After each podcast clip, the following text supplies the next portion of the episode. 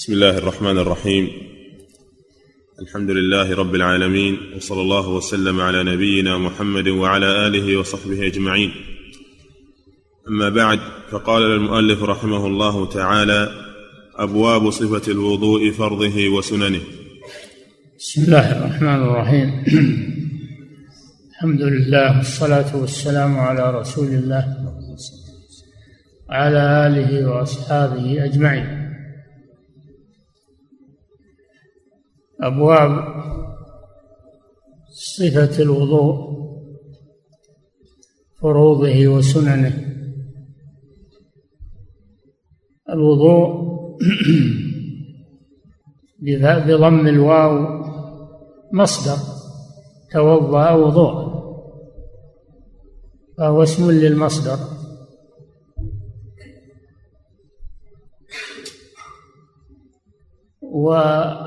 والوضوء لما كان شرطا من شروط صحة الصلاة ذكروه في أول كتاب الطهارة لأن الطهارة على قسمين طهارة من النجاسة طهارة من الحدث الأصغر والأكبر. ولا تصح الصلاة بدون وضوء.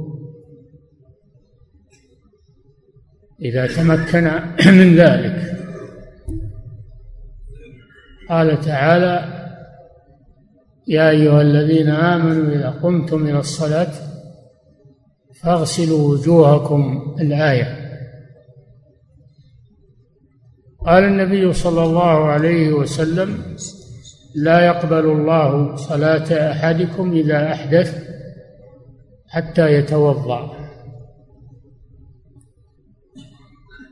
وقال صلى الله عليه وسلم لا صلاة لمن لا وضوء له كما يأتي.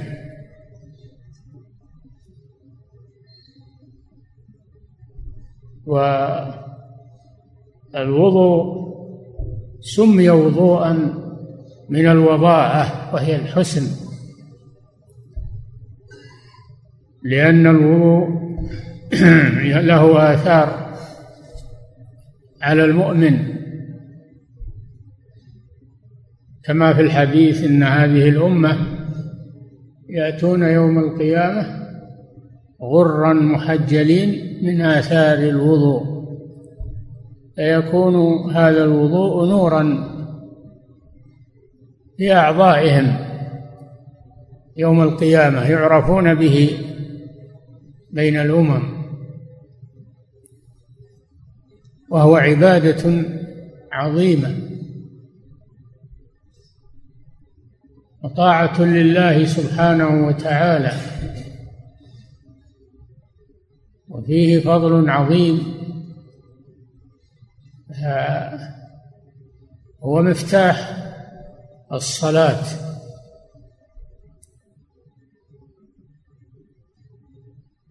هو مفتاح الصلاة. وقال صلى الله عليه وسلم الطهور شطر الإيمان. الطهور شطر الإيمان يعني نصف الإيمان.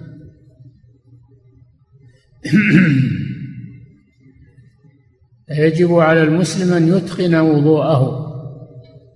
على الصفة المشروعة كما جاءت في الأحاديث الصحيحة.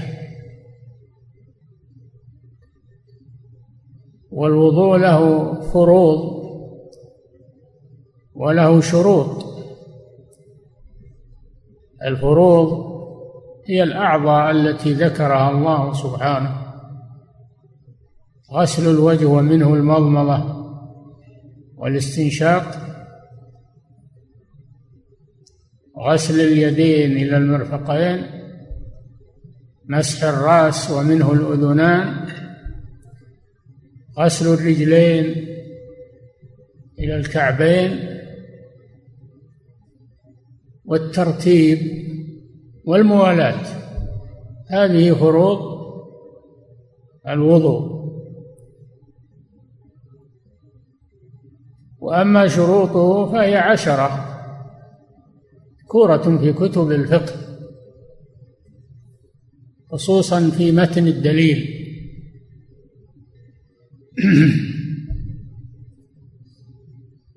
منها النية ومنها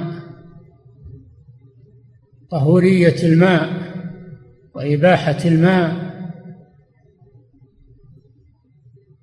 إلى آخر شروط الوضوء. لذلك قال فروض الوضوء وسننه واجباته لأن أفعال الوضوء تنقسم إلى قسمين واجبات وسنن. أما الواجبات فلا بد منها وأما السنن فهي مكملات. والوضوء فرض مع الصلاة قبل الهجرة ليلة المعراج. لما فرضت الصلاة فرض الوضوء. فهو ثابت بالسنة النبوية. وجاءت آية المائدة وهي من آخر ما نزل يا أيها الذين آمنوا إذا قمتم إلى الصلاة. مقررة لما ثبت في السنة النبوية.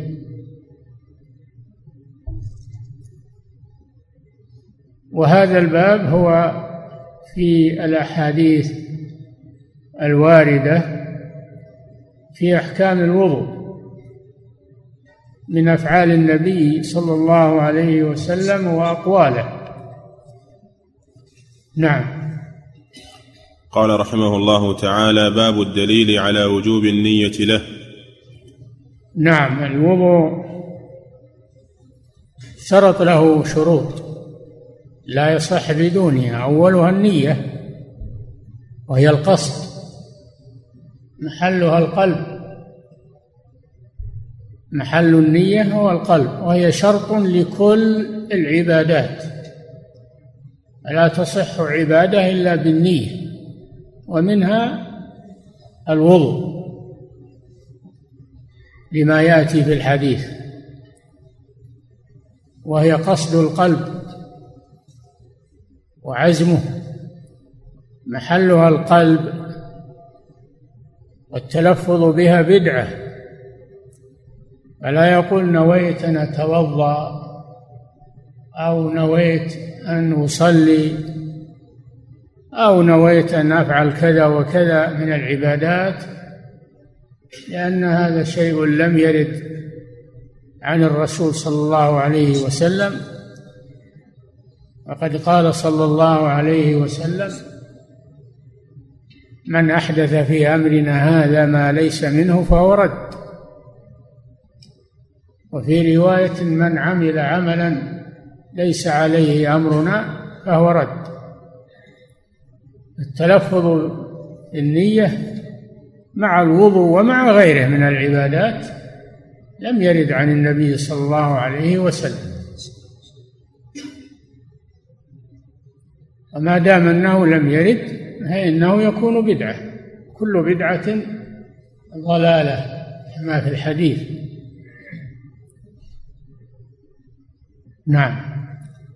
عن عمر بن الخطاب. فلو أنه لو أنه استعمل الماء في أعضاء الوضوء بدون نية إنما استعمل ذلك للتبرد أو لغسل الأوساخ بدون نية الوضوء فإنه لا يكون وضوءا ولا تصح به الصلاة. نعم.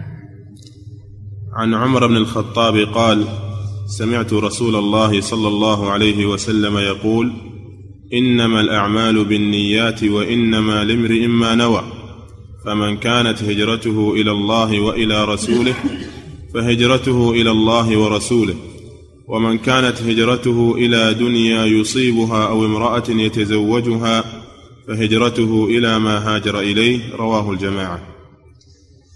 نعم. إنما الأعمال بالنيات هذا حديث عمر رضي الله عنه في الصحيحين وغيرهما من كتب السنة. إنما الأعمال بالنية. ولكل امرئ ما نوى. إنما الأعمال بالنية. هذا حصر. إنما أداة حصر. أي لا تعتبر الأعمال ولا تصح إلا بالنية. والمراد الأعمال أعمال العبادة. المراد أعمال العبادة. أما الأعمال العادية والمعاملات هذه لا يشترط لها النية. ما يشترط لها النية ولو قال شخص لشخص أنا بعت عليك كذا وكذا. انعقد إذا قال بعت وقال المشتري اشتريت انعقد البيع ولو لم يقصد. قال أنا ما نويت. ما ما النية ما لها مكان العبرة باللفظ. العبرة بالألفاظ. إنما هذا في العبادات. لا بد من النية. وأما المعاملات وأما الأعمال غير العبادات لا تشترط لها النية. إنما الأعمال بالنية. أي لا تصح ولا تعتبر عند الله إلا بالنية.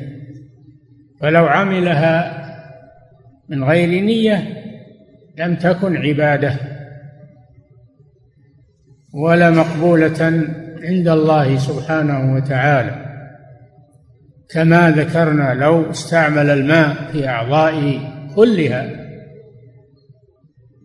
على صورة الوضوء ولكنه لم ينوي الوضوء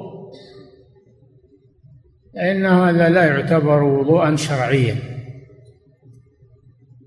ولا تصح به الصلاة.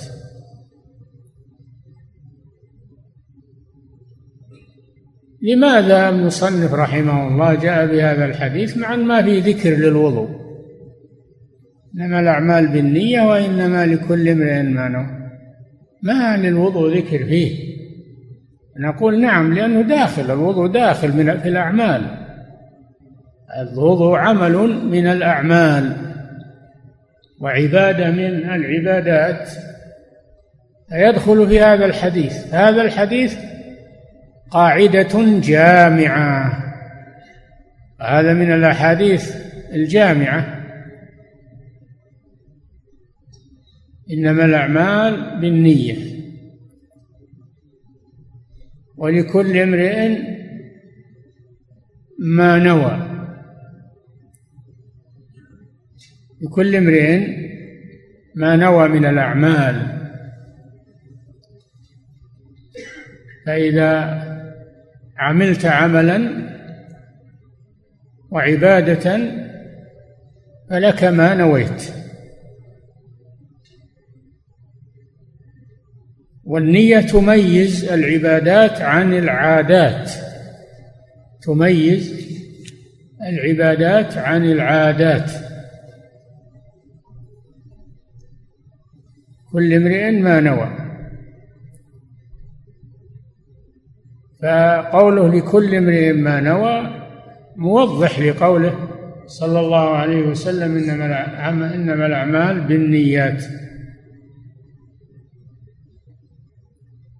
موضح له كل امرئ ما نوى. إن نويت صلاة نويت وضوءا نويت صدقة نويت أي شيء نويته فلك هذا لك ما نويت ولك ما قصدت. أما الشيء الذي لم تنوه فإنه لا يكون لك. إنما لكل امرئ ما ولكل امرئ ما نوى. ثم إنه صلى الله عليه وسلم ذكر مثالا وهو الهجرة. الهجرة هي الترك. الهجرة في اللغة هي الترك. قال تعالى والرجز فاهجر. الرجز الأصنام وهجرها تركها. وترك المعاصي وترك الذنوب هذا يسمى هجرة. هجرة قلبية. هجرة بالقلب. لأن الهجرة إما أن تكون بالقلب وإما أن تكون بالبدن والقلب.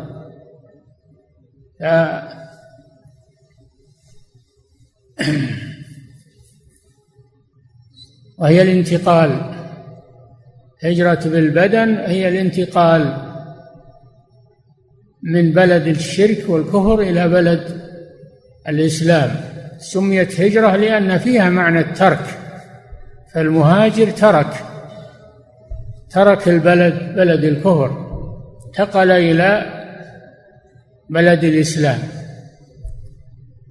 فهو هاجر ببدنه وقلبه إلى الله ورسوله فرارا بدينه. هذه هي الهجرة الشرعية.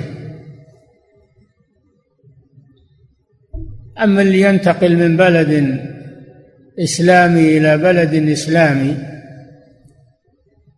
هذا لا يسمى مهاجرا في الشرع.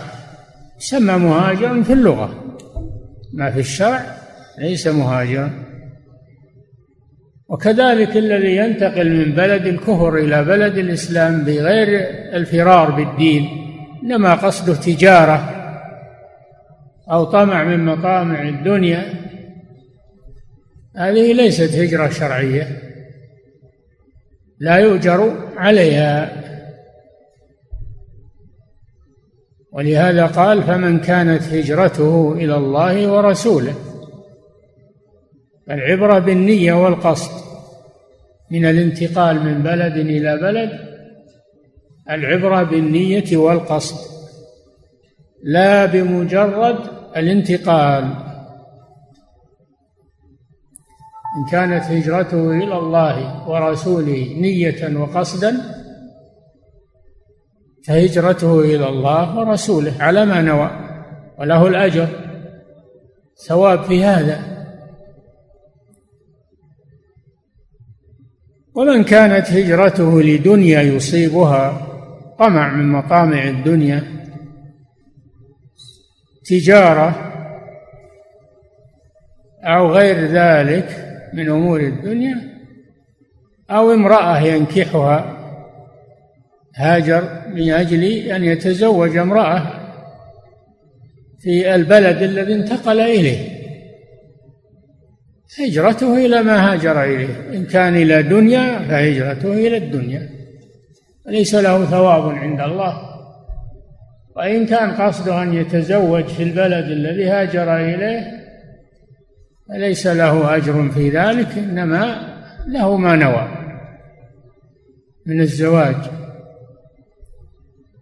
وقد ورد أن سبب الحديث أن رجلا هاجر من مكة إلى المدينة لقصد أن يتزوج امرأة يقال لها أم قيس.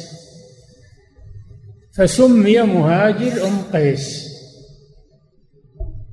سمي مهاجر أم قيس. هذا الحديث واضح في ألفاظه وفي تمثيله وفي واضح جدا.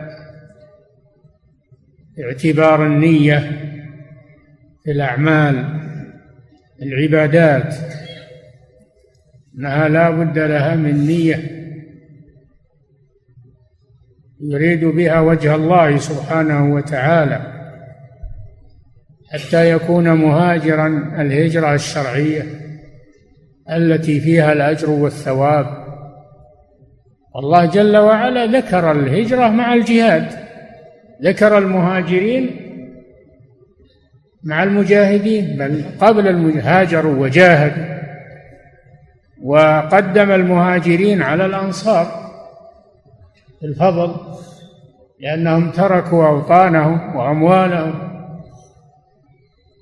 أخرجوا من ديارهم وأموالهم يبتغون فضلا من الله ورضوانا. يبتغون فضلا من الله ورضوانا هذا قصدهم. أولئك هم الصادقون.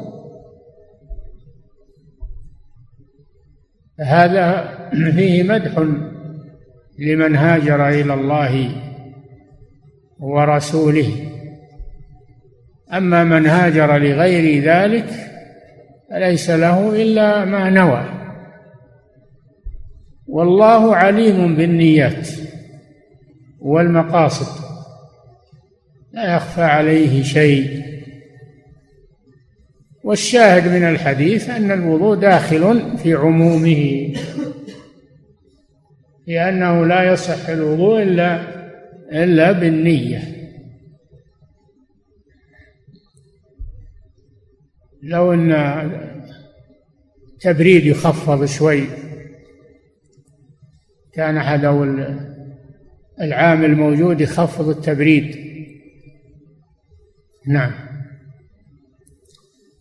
قال رحمه الله تعالى باب التسمية للوضوء. نعم ومن سنن الوضوء أو من أحكام الوضوء التسمية في أوله. تسمية في أوله. لأن يقول عند الشروع في الوضوء يقول بسم الله. هي مشروعة بالإجماع. تسمية مشروعة الوضوء بالإجماع. لكن اختلف العلماء هل هي واجبة أو سنة. الجمهور على أنها سنة. وطائفة من العلماء ومنهم الإمام أحمد أنها واجبة. نعم. عن أبي هريرة عن النبي صلى الله عليه وسلم قال لا صلاة لمن لا وضوء له ولا وضوء لمن لا يذكر اسم الله عليه. رواه أحمد وأبو داود وابن ماجه ولأحمد وابن ماجه من حديث سعيد بن زيد وأبي سعيد مثله. والجميع في أسانيدها مقال قريب.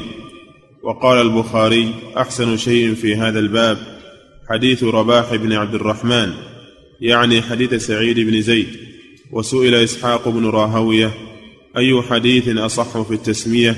فذكر حديث أبي سعيد. نعم. لا صلاة لمن لا وضوء له. هذا بالإجماع. هذا بالإجماع. لا صلاة لمن لا وضوء له لأن الوضوء شرط صحة الصلاة. وأما قوله ولا وضوء لمن لم يذكر اسم الله عليه فهذا يدل على مشروعية التسمية في الوضوء بأن يبدأه ببسم الله. ولكن الحديث ورد من طرق كثيرة كلها لا تخلو من مقال. كلها ضعيفة. ولكن بمجموع الطرق تتعاضد ويؤيد بعضها بعضا. فيدل الحديث على المشروعية. وهذا بالإجماع أنها مشروعة في الوضوء. لكن هل هو للاستحباب أو للوجوب؟ هذا محل الخلاف. والحديث له طرق كثيرة يؤيد بعضها بعضا. حتى قال بعض الحفاظ حتى قال بعض بعض الحفاظ علمنا بأن الرسول قاله. يعني من مجموع الروايات. أنه قاله صلى الله عليه وسلم. بناء على مجموع روايات الحديث ولهذا قال به الإمام أحمد وجماعة من أهل العلم الظاهرية أن التسمية واجب من واجبات الوضوء. إن تركها عمدا لم يصح وضوءه. إن تركها عمدا لم يصح وضوءه. لأن قوله لا وضوء لمن لم يذكر اسم الله النفي هذا يتجه إلى الصلاة إلى حقيقة الصلاة حقيقتها. أي لا تصح صلاته إلا بأن يذكر اسم الله. لا يصح وضوءه. لا يصح وضوءه إلا إذا ذكر اسم الله في بدايته. هذا ظاهر النفي. ظاهر النفي أنه يتجه إلى الحقيقة فلا يصح الوضوء إلا بالتسمية. والجمهور يرون أن النفي ليس للحقيقة وإنما هو للفضيلة. نفي للفضيلة أي لا يحصل على الفضيلة إلا من ذكر اسم الله في أول الوضوء.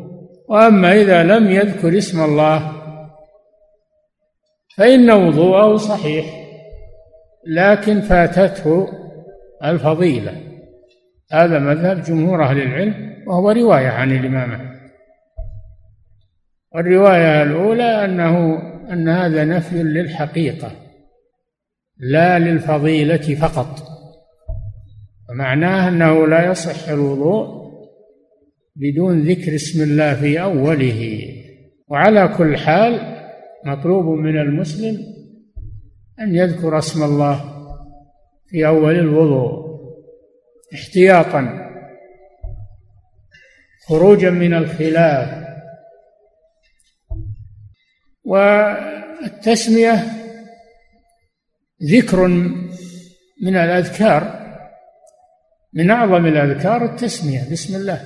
الحديث كل أمر ذي بال لا يبدأ فيه ببسم الله فهو أبتر. وفي رواية فهو أجذم أي ناقص البركة. فبسم الله تذكر في الأفعال الشريفة ومنها الوضوء. للتبرك بها فهي من أعظم الأذكار. فلا ينبغي أن الإنسان يتركها بناء على أن العلماء يقولون إنها سنة لا يتركها. هناك من يقول إنها واجبة وهو ظاهر النفي هنا لا وضوء. ولمن يذكر اسم الله بأن يقول عند البداية بسم الله أي أستعين وأتبرك بسم الله. هذا لفظها. وإن قال الرحمن الرحيم بسم الله الرحمن الرحيم فلا بأس. نعم. قال رحمه الله باب استحباب غسل اليدين قبل المضمضة وتأكيده لنوم الليل. كذلك من أحكام الوضوء غسل الكفين قبل البداية في الوضوء. إذا أراد يتوضأ فإنه يغسل كفيه لأن النبي صلى الله عليه وسلم كان يغسل كفيه قبل الوضوء. وقال وأمر صلى الله عليه وسلم بذلك. فغسل الكفين في الوضوء مشروع بالإجماع وهل هو واجب أو سنة؟ إن كان قائما من نوم الليل فبعض العلماء يرى أنه واجب. لا يغمس يده في الإناء حتى يغسلها ثلاثة. فإن أحدكم لا يدري أين باتت يده.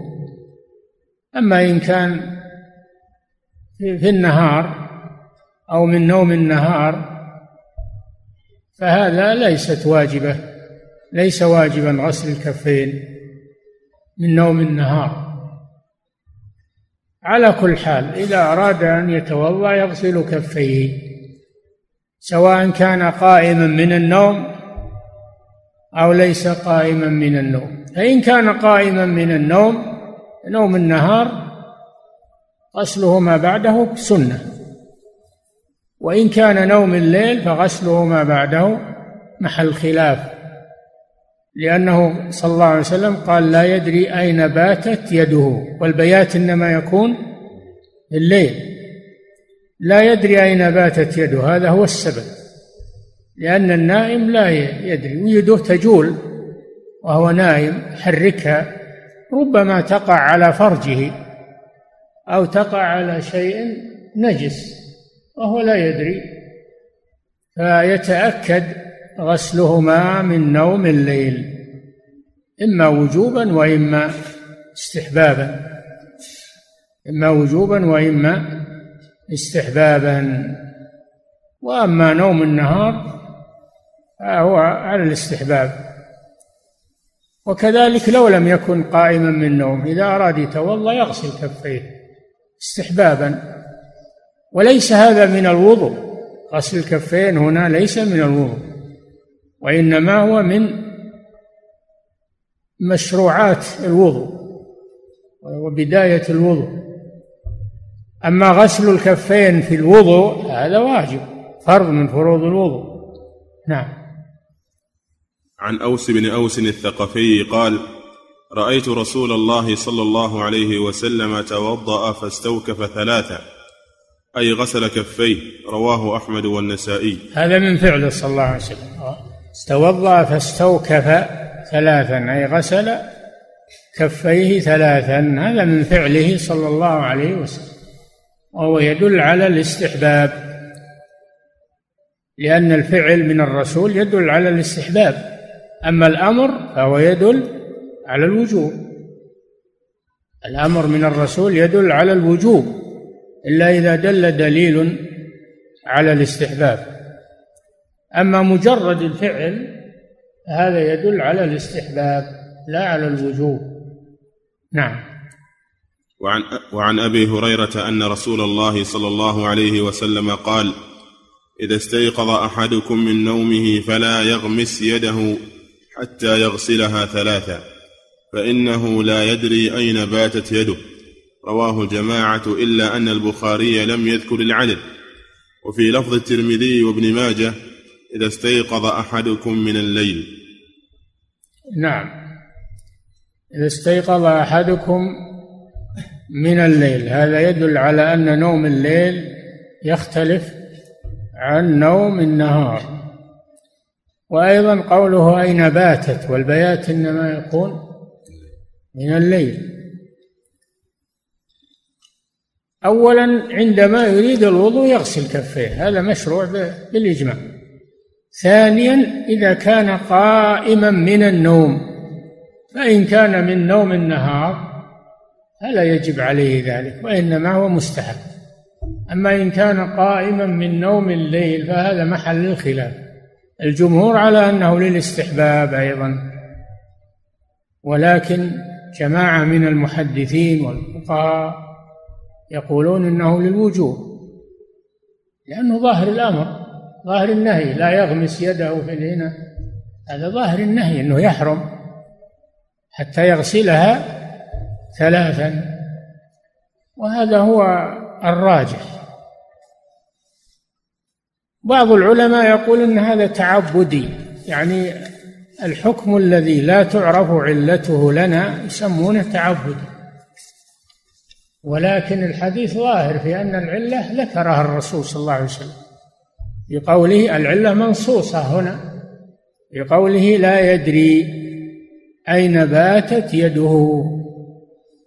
لا يضبط يده ربما تقع على شيء نجس. وما تقع على فرجه وهو نايم أو على محل نجس وهو لا يدري. قال الجمهور قوله لا يدري أين باتت يده العلة موهومة ما ما هي ما هي مجزومة ليست مجزومة. ما دامت العلة ليست مجزومة فلا يجب غسل الكفين. لا يجب غسل الكفين.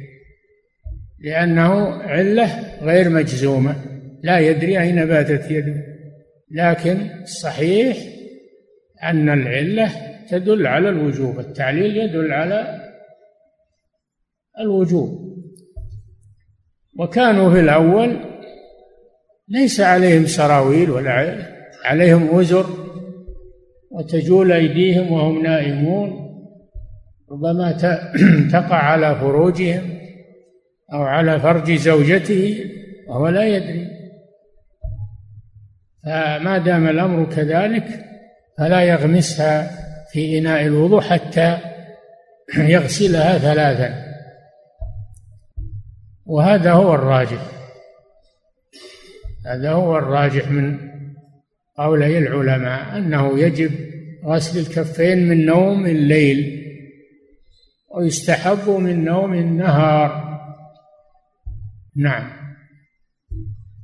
وعن ابن عمر أن النبي صلى الله عليه وسلم قال إذا استيقظ أحدكم من منامه فلا يدخل يده في الإناء حتى يغسلها ثلاث مرات فإنه لا يدري أين باتت يده أو أين طافت يده. رواه الدار قطني وقال إسناده حسن. وأكثر العلماء حملوا هذا نعم. على الاستحباب. لا يدري أين باتت يده أين طافت يده ولا المعنى واحد. طافت معناه أين وقعت؟ أين طافت؟ أي أين وقعت؟ ما يدري. وهو نائم ما يدري وين وقعت يده. باتت كذلك لا يدري أي شيء باتت يده عليه. ربما تكون باتت على فرجه أو أصابتها نجاسة وهو نائم لا يدري. نعم.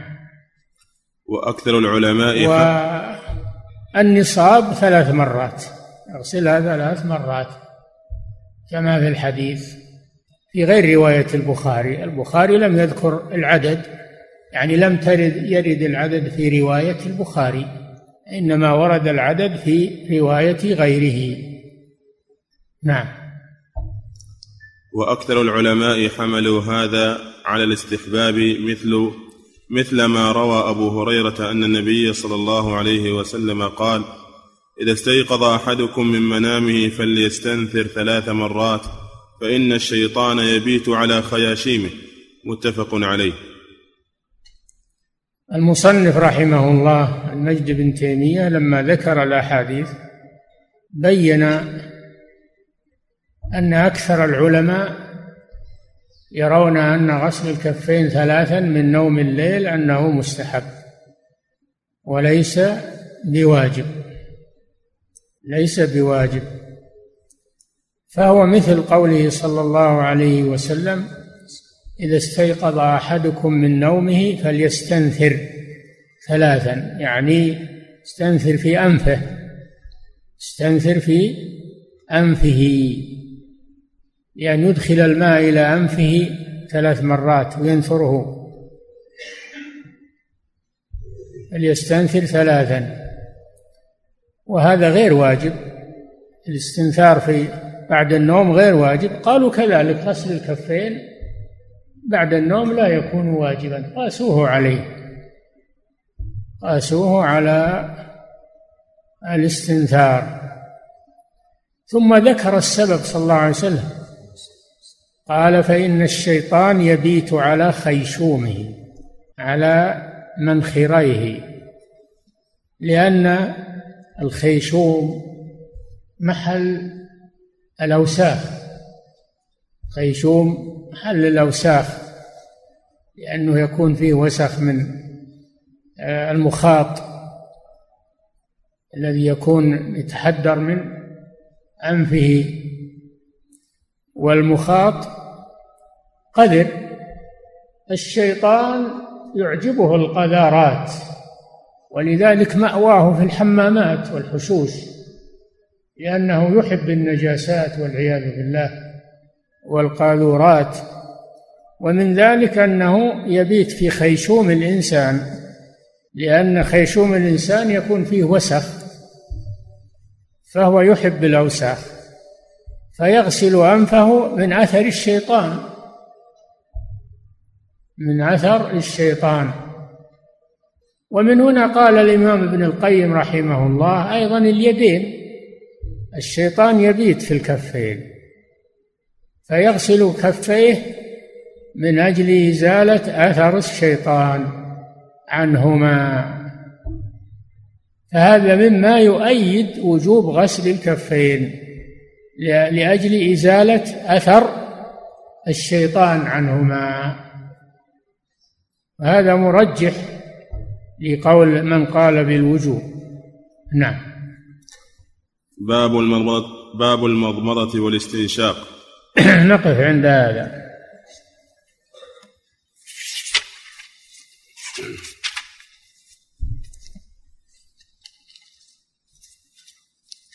فضيلة الشيخ حفظكم الله يقول السائل هل من حافظ على ركعتين يصليها بعد سنة العشاء الراتبة يصليها يوميا هل في هذا العمل بأس؟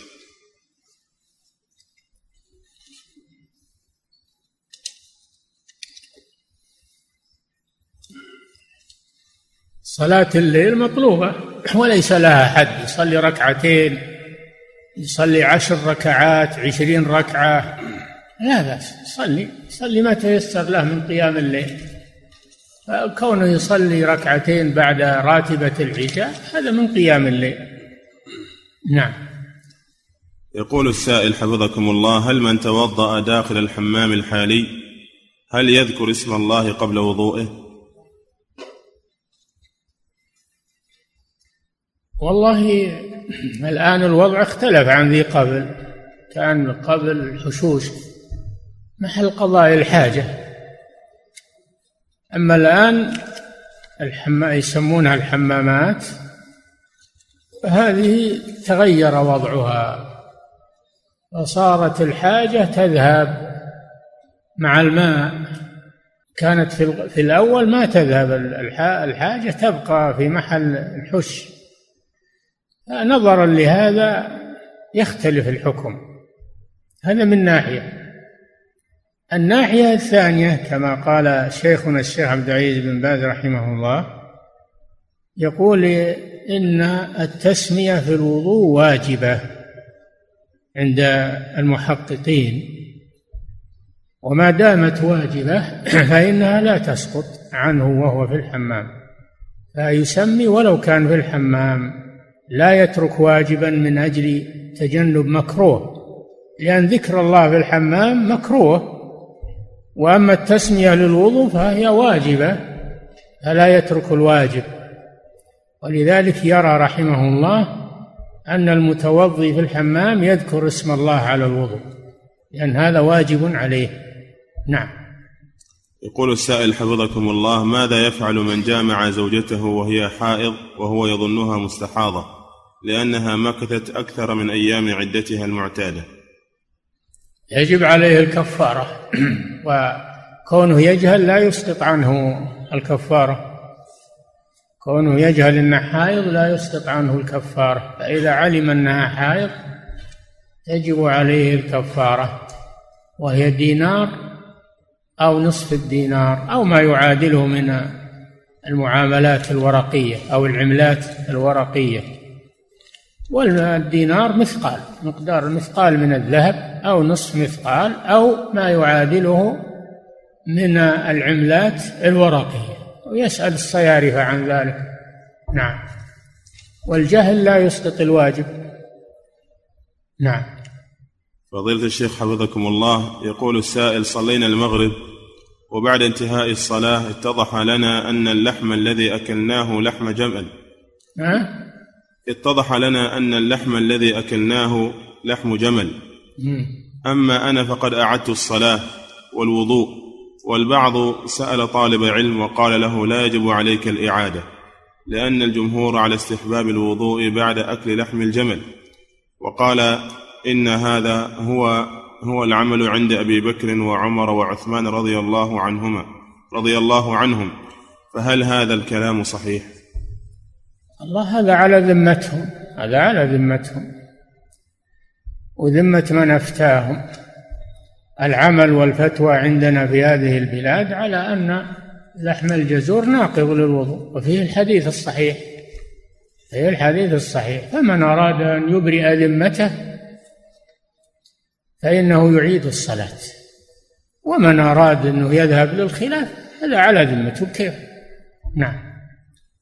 يقول حفظكم الله رجل خرج منه المذي. رجل خرج منه المذي فأراد الطهارة فغسل ذكره وأنثييه ثم أثناء الوضوء بعده أحدث بخروج الريح.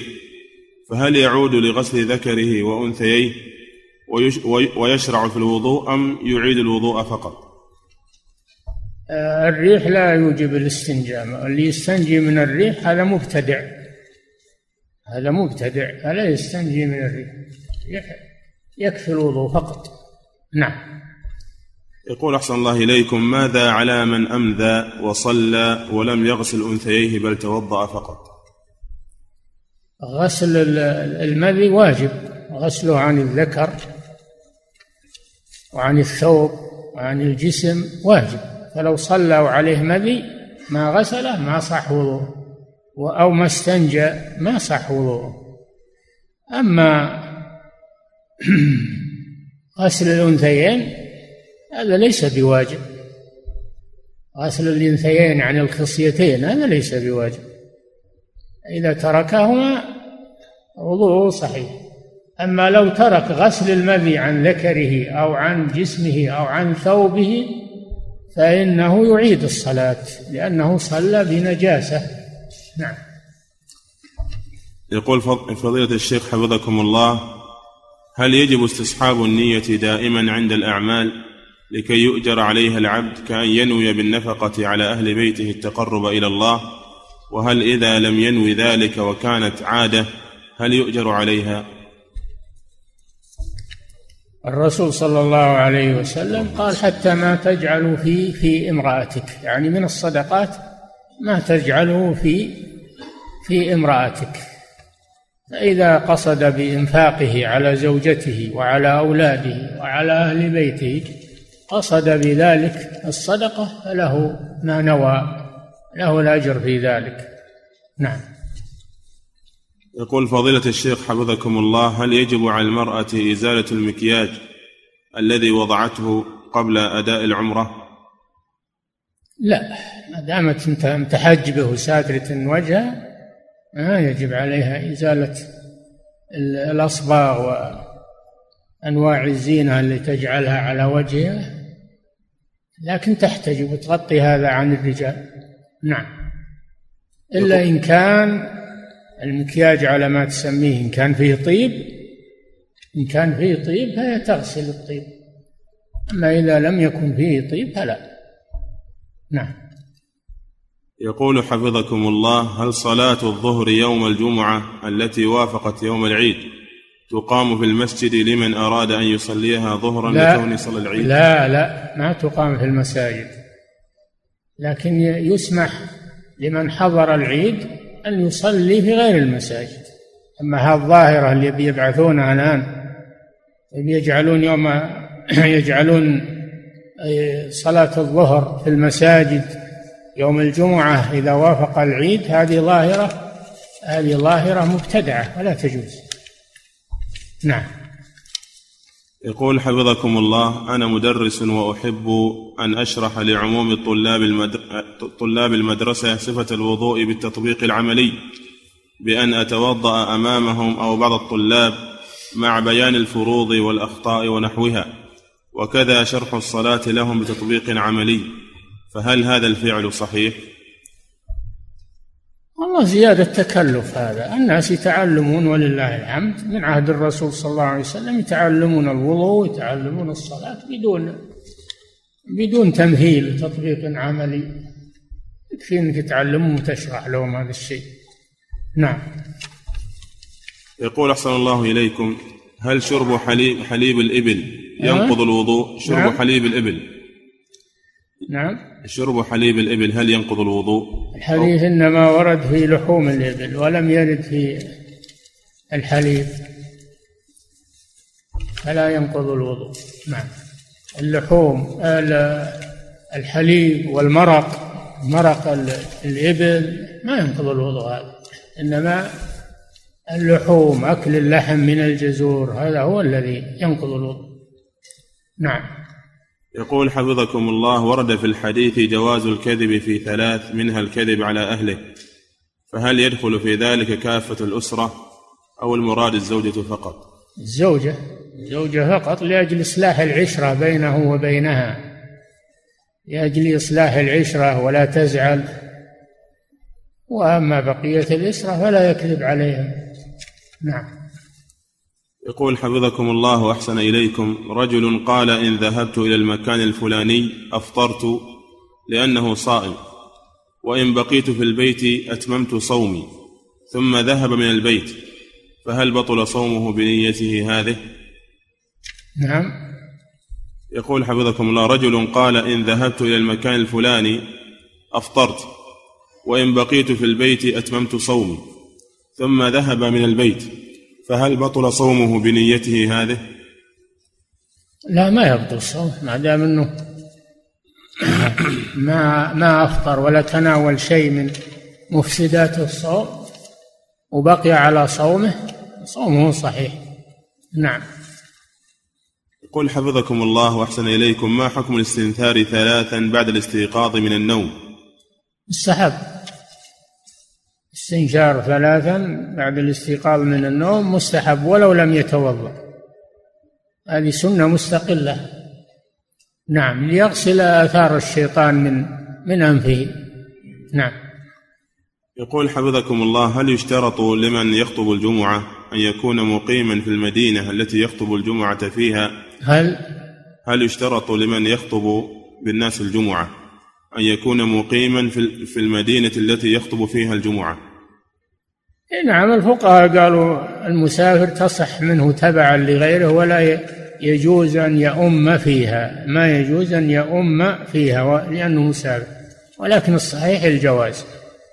الصحيح أنه يخطب ولا بأس. من صحت منه الجمعة يصح منه أن يخطب. نعم. يقول حفظكم الله وأحسن إليكم. هل يؤخذ من حديث فإن أحدكم لا يدري أين باتت يده أن مس العورة ينقض الوضوء. نعم هو ما هو بصريح لكن مس العورة فيه أحاديث أخرى. من أفضى بيده إلى فرجه فليتوضأ هي أحاديث خاصة ويأتي هذا إن شاء الله. نعم. يقول حفظكم الله خروج خروج دم البواسير. هل هو ناقض للوضوء؟ إذا كان كثيرا هو ناقض الوضوء. أما إذا كان يسيرا فلا ينقض الوضوء. نعم. يقول حفظكم الله كيف أغسل يدي ثلاثا مع وجود صنابير المياه الآن؟ نعم. تضع يدك حذر الصنبور وتدير الماء عليها ثم تضعه مرة ثانية وتدير الماء عليها ثالثة نعم. يقول حفظكم الله هل هناك ركعتان تصلى بعد طلوع الشمس؟ صلاة الضحى بعد ارتفاع الشمس صلاة الضحى. إن شاء قدمها بعد ارتفاع الشمس وإن شاء أخرها إلى نهاية الضحى. وهذا أفضل التأخير أفضل. نعم. يقول حفظكم الله رجل طاف وسعى في العمرة ثم حلق رأسه خارج حد الحرم فهل عليه شيء؟ الحلق ليس له مكان. يحلق ولو في الرياض ما يخالف. الحلق ليس له مكان. نعم. يقول حفظكم الله وأحسن إليكم. لكن يبقى على إحرامه ما يلبس ملابسه حتى يحلق يكمل العمرة. نعم. يقول حفظكم الله وأحسن إليكم رجل غضب على بناته فقال تحرم علي أمكم. فهل هذا ظهار وهل يجب عليه كفارة ظهار؟ وإذا لم يستطع صيام شهر صيام شهرين لشدة شهوته فماذا يفعل؟ إن كان في الرياض يأتي للإفتاء وينظر في سؤاله وإن كان في غير الرياض يذهب للمحكمة للقاضي في المحكمة ويأخذ رأيه في ذلك. نعم. يقول أحسن الله إليكم تناقشت أنا وأحد الإخوان في أمر اللحية فأدخل علي شبهة وقال إن اللحية ليست فرضا ولا واجب ولا واجبا فلو كانت فرضا مثلا لكان حالقها يدخل النار مع أنه يأخذ مع أنه يأخذ من لحيته. إيه، من اللي أمنه من دخول النار؟ العاصي يدخل النار. هذا أخذ أمان أن اللي يحلق رايه لحيته ما يدخل النار. معرض لدخول النار معرض للعذاب والعياذ بالله. كل من عصى فهو معرض للعذاب. من اللي دلوا على انه إن حالق لحيته ما يدخل النار؟ نعم. أحسن الله إليكم. يقول السائل امرأة لديها ثمانون جراما ذهب ولديها خمسة آلاف ريال سعودي فهل تكمل نصاب الذهب بالنقد؟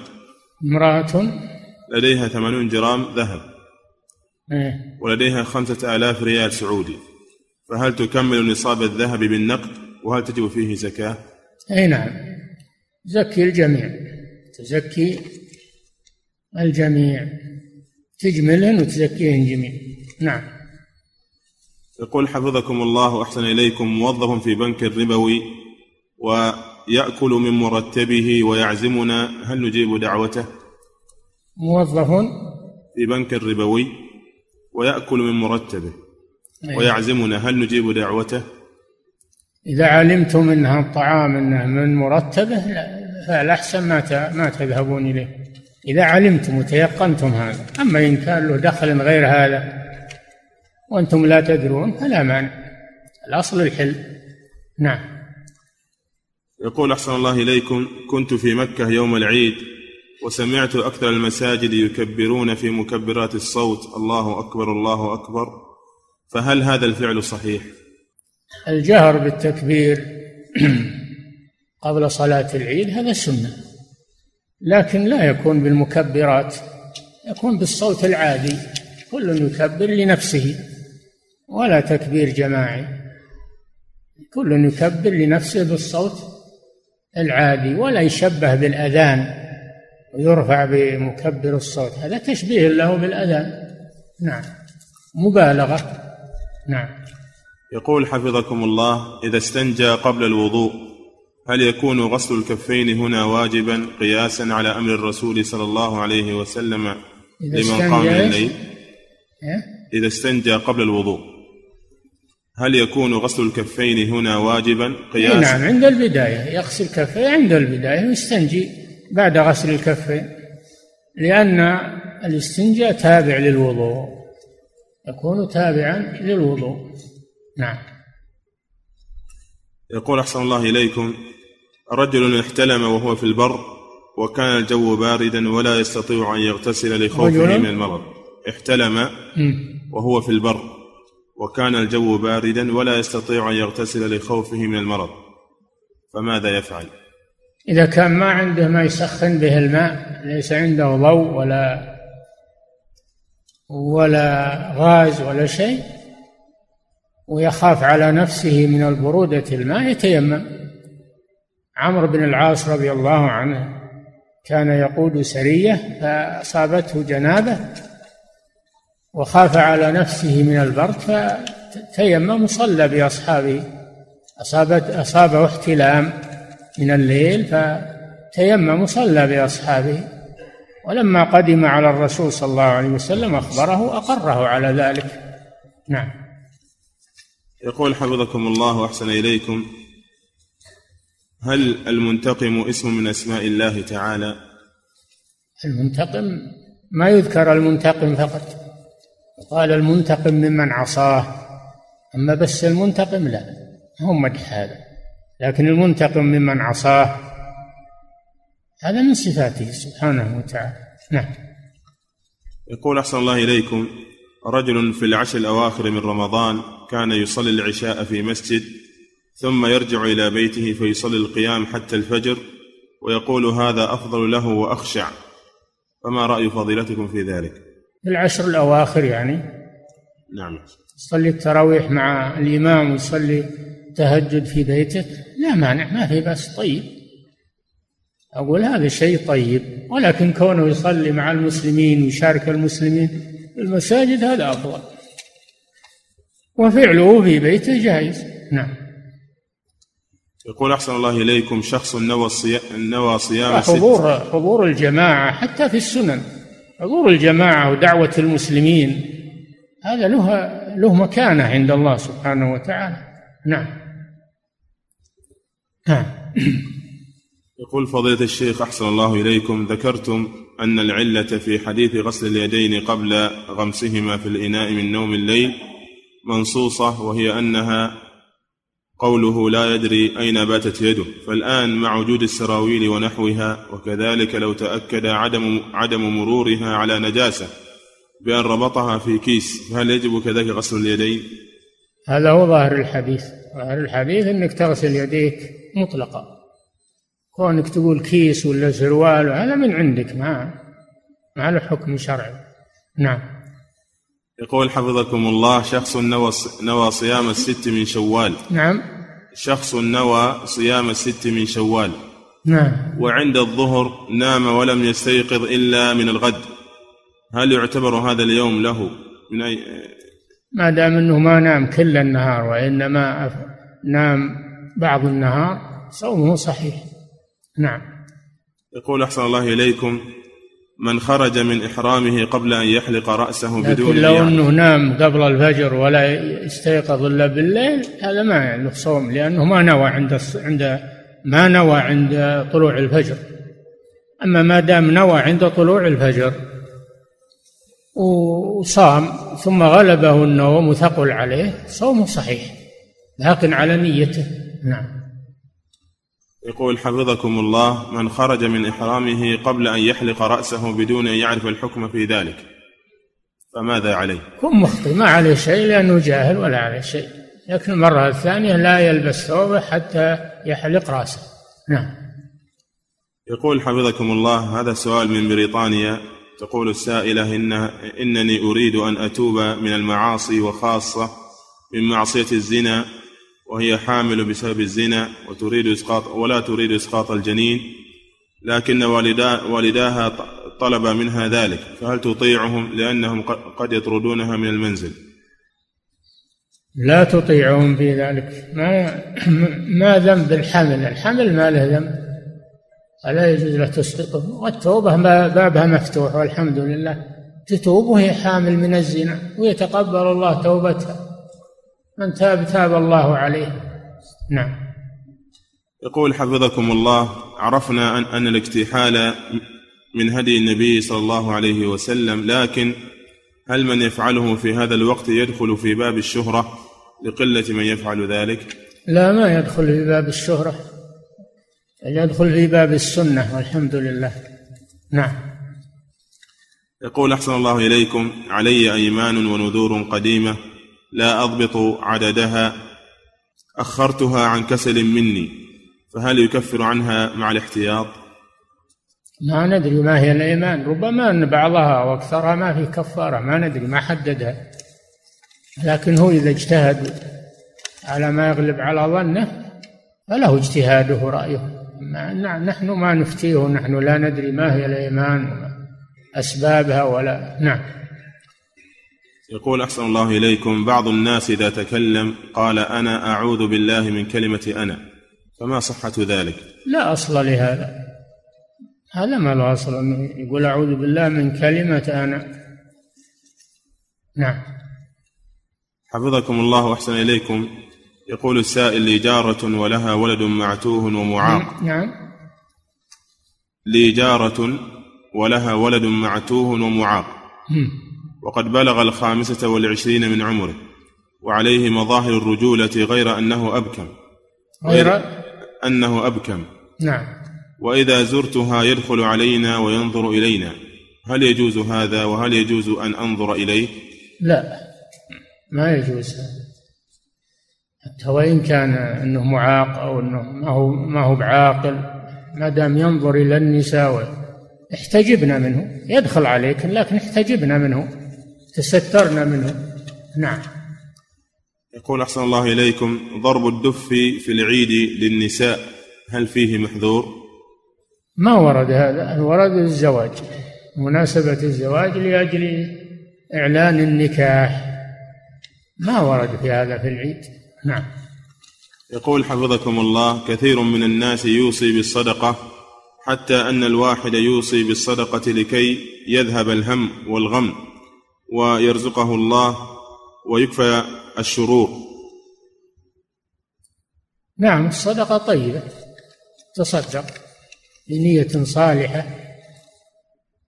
والله جل وعلا يتقبل منه ويكون للصدقة تأثير في دفع البلاء وفي الشفاء من المرض. نعم لأنها عبادة. نعم. حفظكم الله يقول السائل إذا صليت بقوله تعالى يا أيها الذين آمنوا صلوا عليه وسلموا تسليما. هل علي أن أصلي على النبي صلى الله عليه وسلم بعد قراءة هذه الآية أثناء الصلاة؟ نعم. هذا مشروع. تصلي عليه وأنت في الصلاة. نعم.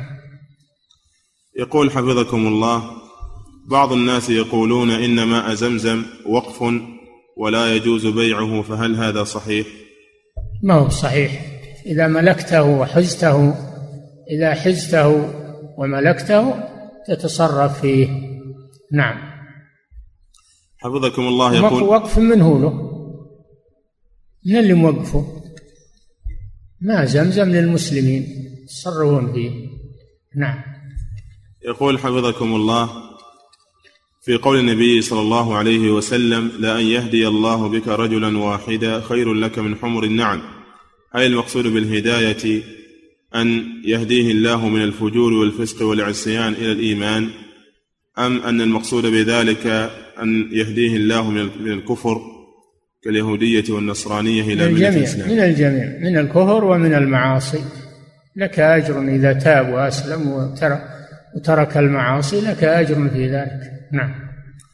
يقول أحسن الله إليكم تناقش أخي مع أحد الإخوة المتدينين في موضوع أزعجنا كثيرا وهو أن هذا الأخ يقول يجوز للمرأة أن تنظر إلى الرجال ولكن بدون شهوة وقال إن أهل العلم قديما وحديثا يجيزون, يجيزون ذلك والدليل أن أم المؤمنين عائشة رضي الله عنها كانت تنظر إلى الأحباش وهم يلعبون بالحراب. وهل يجوز هذا الأمر فعلا؟ وهل هناك من أهل العلم من أجاز ذلك؟ أهل العلم أجازوا نظر المرأة إلى الرجل لأمرين أولا بدون شهوة وثانيا للحاجة. كانت بحاجة إلى النظر إليه بدون شهوة ما في مانع. أما أن تنظر إليه بدون حاجة هذا وسيلة إلى أنها تعجب به وأنها ما تنظر إليه إلا إذا احتاجت إلى ذلك. نعم. يقول أحسن الله إليكم إذا شك الإمام هل قرأ الفاتحة أم لا؟ وذلك بعد الرفع من الركوع. هل يلتفت إلى هذا الشك أم لا؟ إذا شك الشك في ترك الواجب كتركه من شك في ترك واجب فكتركه. فيلغي الركعة هذه يجعل التي بعدها مكانها يكمل صلاته ويسجد للسهو. نعم. يقول حفظكم الله رجل قال لزميله مازحا بنيتي فلانة هي لك. بنيتي فلانة هي لك. إيه. وكانت البنت صغيرة عمرها عشر سنوات. فهل إيه. ينعقد نعم. أجاب أجابه هو قال قبلت. إذا قال هي لك وقال قبلت انعقد النكاح ولو كانت صغيرة. أما إذا كان ما قبل فليس بشيء. نعم. يقول أحسن الله إليكم ما رأيكم في من يقول إنه ليس هناك دليل على أن كيفية قراءة القرآن الكيفية التي يقرأ بها بأحكام التجويد والمدود وغير ذلك فهل هذا صحيح؟ آه، هو صحيح من وجه يعني المبالغة في التجويد وكثرة المدود وإطالتها والتكلف هذا غير مشروع أما التوسط التوسط في ذلك وإقامة الحروف وأحكام التجويد من غير مبالغة. هذا طيب. نعم. يقول حفظكم الله قول تقبل الله منا ومنكم صالح الأعمال في العيد. هل فيه بأس؟ لا بأس بذلك. يقول الإمام أحمد أنا لا أبدأ به وأرد على من بدأني. نعم. يقول حفظكم الله يذكر بعض المشايخ بأن القيام للوضوء من المسجد أثناء الأذان مشابهة للشيطان. فهل هذا صحيح؟ لا ما هو صحيح. هذا قائم لحاجة وضرورة وهو الوضوء ما في بأس إن شاء الله. لكن كونه يجلس ويتابع المؤذن حتى يخلص ويأتي بالذكر هذا أفضل. إلا إلا إذا خشي أن تفوته صلاة الجماعة إذا خشي أن تفوته الجماعة يخرج ولو كان يؤذن ويتوضأ نعم. يقول أحسن الله إليكم هذا رجل يدرس يدرس القرآن لفتيات في سن الرابعة عشرة والخامسة عشرة من العمر من وراء حجاب. فهل هذا جائز وما هو الضابط في تعليم النساء القرآن؟ ما احتجنا إلى هذا. اليوم البنات والنساء يحفظن القرآن أكثر من الرجال. يدرسها النساء. يدرسها النساء ولا يدرسها الرجال. نعم. يقول حفظكم الله صليت مع أحد أئمة المساجد قبل أربعة أيام فصلى بنا العشاء فقرأ في الركعة الأولى حوالي ستة أسطر ولكن الركوع والسجود كان أطول من القيام بشكل واضح وكانت الركعة الثالثة والرابعة أطول من الأولى والثانية فهل فعله صحيح؟ الفعل صحيح والصلاة صحيحة لكن هذا خلاف السنة. خلاف السنة والأفضل أفضل أنه يعادل الصلاة. ما يخلي بعضها أطول من بعض يعادلها. نعم. يقول حفظكم الله كيف نجمع بين قوله عليه الصلاة والسلام لا يقربه شيطان حتى يصبح وبين قوله صلى الله عليه وسلم يعقد الشيطان على قافية رأس أحدكم ثلاث عقد. إذا لم يسم إذا لم يقرأ آية الكرسي عند النوم تسلط عليه الشيطان. أما إذا قرأ آية الكرسي فإن الشيطان يتجنبه. نعم. أحسن الله إليكم. يقول السائل هل الكرش والمصران من الإبل تنقض الوضوء؟ محل خلاف كونه يتجنبها ويتوضأ كونه يتوضأ منها أحسن وأحوط. نعم. العنفقة أحسن الله إليكم هل هي من اللحية؟ بلا شك أن العنفقة من اللحية. نعم. حلق القفا أحسن الله إليكم. وإزالة العنفقة تشويه للوجه. فيها جمال. نعم. حلق القفا يقول. قفاء نعم. حلق بعض الرأس وترك بعضه لا يجوز هذا من القزع. إما أن في الحديث احلقه كله أو دعه كله أما حلق بعضه وترك بعضه هذا لا يجوز. نعم. يقول أحسن الله إليكم إذا صلى الإمام واتضح بعد الصلاة أنه على غير طهارة بالنسبة للمأمومين. هل يعيدون الصلاة؟ إذا ما درى أنه على غير طهارة إلا بعد ما سلم صلاتهم صحيحة وهو يتوضأ ويعيد الصلاة. نعم. حفظكم الله يقول السائل هل صحيح أن الذي هو أحفظ للقرآن هو يكون أحق إلى قرب الإمام نعم أهل الفضل يكونون هم الأحق بقرب الإمام إذا جاءوا مبكرين أما أنهم يتأخرون ولا جاءوا متأخرين يوخرون الناس يصيرون ما يجوز هذا. لكن إذا جاءوا مبكرين فهم أحق بقرب الإمام نعم. يقول حفظكم الله تقول تقول هذه المرأة أن خالتها تشتكي من صداع مستمر لأكثر من ثلاثين سنة. فهل يجوز لها أن تتمنى الموت؟ لا. ربما أن هذا خير لا تسأل الله الأجر والعافية والشفاء ولا تجزع. تصبر على هذا والحمد لله. والحمد لله العلاج الآن متوفر والأطباء متوفرون. وأيضا العلاج بالرقية أيضا ولا تيأس. نعم.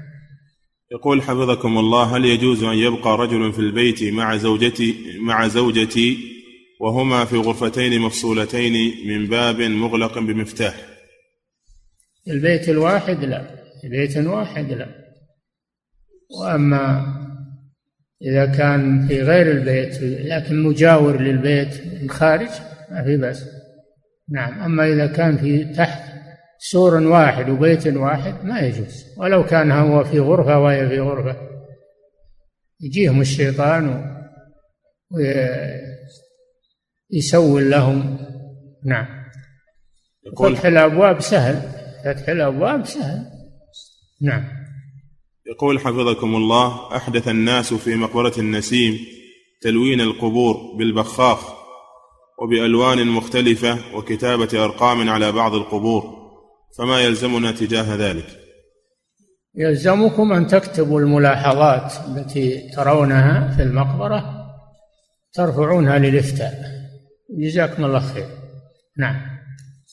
يقول أحسن الله إليكم من لديه التزام بحضور دروس بعض المشايخ ولديه زوجة خارج مدينة الرياض وتحتاج إلى حضوره فماذا يقدم منهما خاصة وقت الإجازات؟ إذا كانت زوجته تحتاج إليه آه، إما أن ياتي بها وإما أن يبقى عندها. نعم. يقول حفظكم الله هل يجوز إخراج العقيقة في بلد غير غير الذي ولد فيه المولود؟ العقيقة في البيت الذي يسكنون فيه. البيت الذي يسكنون فيه تذبح فيه العقيقة. أما أن تذبح في بلد غير بلد السكنى هذا خلاف السنة. نعم. يقول أحسن الله إليكم أقامت إحدى مدارس القرآن الكريم حفلة بغرفة بلابل الترفيهية. ها؟ بغرفة بلابل أو جلاجل ربما ترفيهية. في غرفة إيش؟ غرفة جلاجل ترفيهية. جنازل جلاجل جلاجل أحسن الله إليكم. ها؟ أظن مدينة جلاجل يا شيخ. جلاجل. اي نعم ترفيهية. يقول وكان أحدهم أقامت؟ أقامت إحدى مدارس القرآن الكريم. أي. حفلة بغرفة جلاجل الترفيهية وكان أحدهم يدخل إحدى الغرف ويلبس أشكالا مختلفة مثلا كعصفور أو بلبل وغير ذلك. فهل هذا العمل جائز؟